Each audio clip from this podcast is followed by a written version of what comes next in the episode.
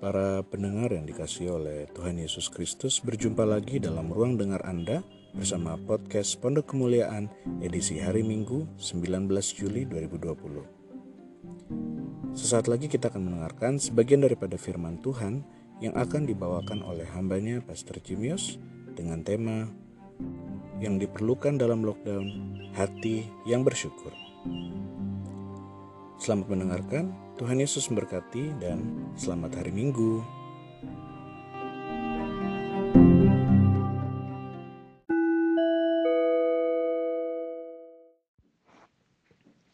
Minggu ini kita mau belajar dari 1 Tesalonika pasal 5 ayat 16 sampai 18 yang berbunyi bersukacitalah senantiasa, tetaplah berdoa, mengucap syukurlah dalam segala keadaan, sebab itulah yang dikehendaki Allah di dalam Kristus Yesus bagi kamu. Tiga ayat pendek tapi sangat berkuasa karena yang diperlukan dalam lockdown sekarang ini karena corona ini hati yang bersyukur sudah hilang, harus dibangkitkan kembali. Kita tahu iblis atau namanya dulu Lucifer. Waktu dia menurut Yehezkiel 28 ayat 12 sampai 17, dia pemimpin pujian di surga, malaikat yang pimpin pujian diciptakan untuk membawa pujian kepada Allah. Uh, tetapi akhirnya dia jadi sombong dan mau menarik semua perhatian kepada diri sendiri.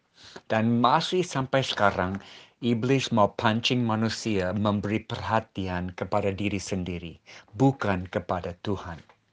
Dia mulai dengan Adam dan Hawa di Eden, menarik mereka untuk tidak mau bergantung kepada pertolongan Allah, tapi mau lihat diri sendiri. Ya, kami mau makan buah ini.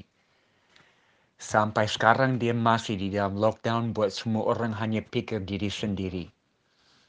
Uh, selalu kita melihat situasi yang ada di sekitar kita sekarang dan bersungut-sungut karena banyak yang tidak baik. Uh, mungkin iblis izinkan sebentar orang bisa berterima kasih kepada Tuhan tapi cepat dia mau balikan mereka kembali dan tanya apa yang saya perlukan itu harus diperhatikan. Jadi ini peperangan rohani saudara dan ada kuasa di dalam pengucapan syukur. Iblis sudah rampas ini dari banyak rumah dan mari kita ambil kembali yang sebetulnya milik kita. Dan kita mau belajar tiga hal seperti patokan di jalan yang kita mau ke Jayapura ada patokan satu kilo, dua kilo. Ini tiga patokan untuk membawa kita kepada hati yang bersyukur lagi. Pertama ayat 16 ini perintah eh, bersyukur, ber, bersyukurlah bersuka cita senantiasa saya pilih untuk bersuka cita. Umat Allah adalah umat yang bersuka cita, tidak ada yang lain. Uh, Nehemia dalam Nehemia 8, uh, 10, 11, ya, dibilang ini sukacita Tuhan adalah kekuatan, ada perlindungan, tidak ada waktu untuk duka cita. Yohanes 15, 11, Yesus mau sukacita kita penuh nikmati hubungan dengan Tuhan di mana pun dalam rumah atau di mana. Filipi 3 ayat 1 pasal 4 ayat 4 sukacita adalah perintah bersukacitalah. Paulus tulis ini di dalam tahanan penjara dan dia tidak dipengaruhi oleh situasi. Sukacita tetap ada. Ini bisa merubah perspektif. Kalau kita ada dalam kemacetan di jalan, mau bersuka cita? Tidak, semua macet, mogok tidak bisa jalan. Tapi mulai bersyukur dan perspektif akan berubah, stres akan hilang. Dalam rumah sakit banyak pasien ada kondisi di rumah sakit yang negatif terus. Masuk ke ruangan pasien mulai bersyukur kepada Tuhan dan melihat suasana berubah. Dan pasien bisa mulai sembuh karena suasana dirubah. Sukacita uh, sesuatu yang kita diperintahkan masuk ke dalam walaupun dibenci orang sukacita masuk dalam sukacita orang lain Roma 12 ayat 15 Ya, gereja semula makan dengan sukacita. Kisah para Rasul 2, 46 dan 7. George Mueller yang pelayanan uh, di panti asuhan dengan anak-anak jalanan di Inggris sudah lama dia satu kali bilang yang terutama dalam hidupku bukan bagaimana saya bisa melayani Tuhan, bukan bagaimana saya bisa memuliakan Tuhan, tapi bagaimana saya dapat hidup dalam sukacita Tuhan. Wow. Kita harus pilih untuk hidup dalam sukacita Tuhan. Kita harus latih diri untuk hidup dalam sukacita Tuhan.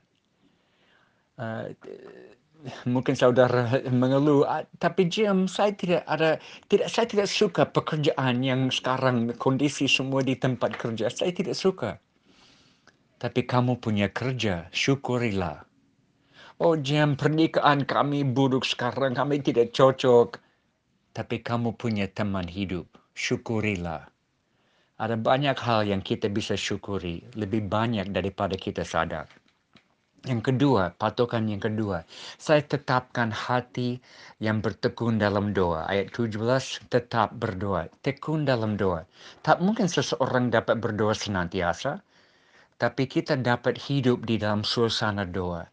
Cara apa? Melatih jiwa untuk selalu melihat kepada Tuhan doa lebih cara bergaul dengan Tuhan. Apakah ada tempat, ada waktu saudara tidak bisa berdoa? Kalau ada, harus tanya kenapa. Mungkin karena kehilangan kesadaran akan hadirat Tuhan. Kalau tidak berdoa, saudara akan bergelisah, khawatir, tidak bisa tidur, tidak bisa istirahat. Banyak orang seperti itu sekarang. Kegelisahan artinya memikirkan masa depan hidupmu tanpa Tuhan. Oh Jim, saya punya tanggung jawab berat minggu depan. Tapi Tuhan bersamamu. Oh Jim, saya punya hutang yang harus bayar minggu depan. Tapi Tuhan Jehovah Jireh bersertamu. Akan cukupkan saudara. Lepaskan semua kekhawatiranmu kepada dia di dalam doa karena dia peduli. Dan patokan yang ketiga ayat 18, uh, ucapkan syukur dari hati yang bersyukur. Jadi ini harus diucapkan, sikapnya dibuktikan dengan kata. Ada orang bilang, Jam, saya bisa bersyukur dalam hati. Tapi syukur tidak menjadi syukur sampai diucapkan. Dan bagaimana sikapmu dibentuk dengan ketaatan. Tak ada perintah untuk merasakan eh, syukur. Hanya ada untuk memberi syukur. Kita mengucap syukur dengan iman Artinya memberi syukur waktu perasaan tidak ada. Kita masuk hadiratnya, ah, Mazmur 100, ayat 4. Masuk hadirat Tuhan dengan ucapan syukur. Bukan penyembahan, bukan bermasmur, bukan bahasa roh. Masuk hadirat Tuhan dengan mengucap syukur. Itu mendatangkan hadirat Tuhan dalam hidupmu kegembiraan atau happiness. Semua orang mau happiness, hidup yang bergembira. Bagaimana cara mendapatkan? Tiba-tiba datangkah? Tidak. Sikapmu diciptakan oleh saudara sendiri. Mulai mengucap syukur dan lihat hari ini ketaatanmu membawa besok sikap dibentuk dan perspektif berubah. Ada banyak berita buruk sekarang, negatif semua. Dan saudara kita harus bawa terang ke dalam kegelapan ini, membawa syukur di tengah-tengah semua keluhan dan negatif berita.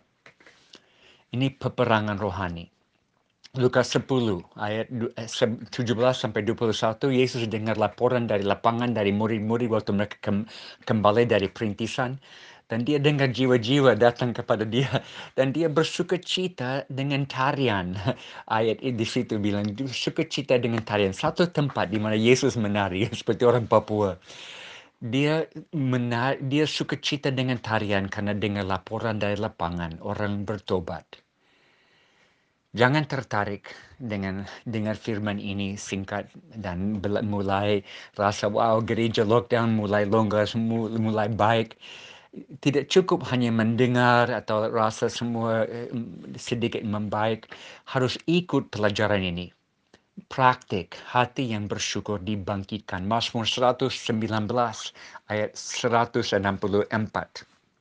Tujuh kali dalam satu hari saya memuji-muji engkau.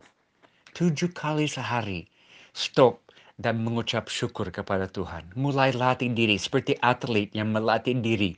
Dia harus terus-terus di lapangan sampai menjadi natural, alamiah. Kita mulai ambil kembali hati yang bersyukur. Saya akhir dengan ini. Uh, pembesar uh, kaca anak-anak di sekolah pakai pembesar kaca untuk melihat sesuatu yang kecil bisa jadi besar dengan kaca itu. Sekarang banyak orang pakai pembesar kaca uh, untuk lihat problem-problem, lihat hal-hal negatif dan itu menjadi besar dalam pandangan mereka. Jangan pakai pembesar, kaca pembesar itu untuk lihat problem. Lihat Tuhan. Kaca yang membesarkan sesuatu kecil.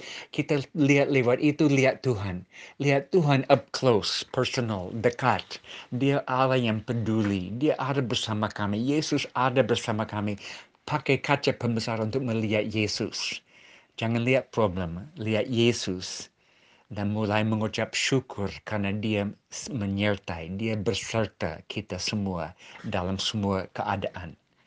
Bersukacitalah senantiasa, tetaplah berdoa, mengucap syukurlah dalam segala keadaan, sebab itulah yang dikehendaki Allah di dalam Kristus Yesus bagi kamu.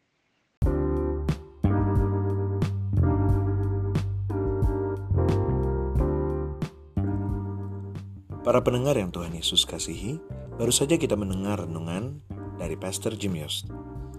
Kiranya renungan tersebut menjadi berkat dan kekuatan bagi kita dalam menjalani kehidupan kita sehari-hari. Jangan lupa ikuti sosial media kami di Instagram di @pokem_youth. Sampai berjumpa di podcast berikutnya. Tuhan Yesus memberkati.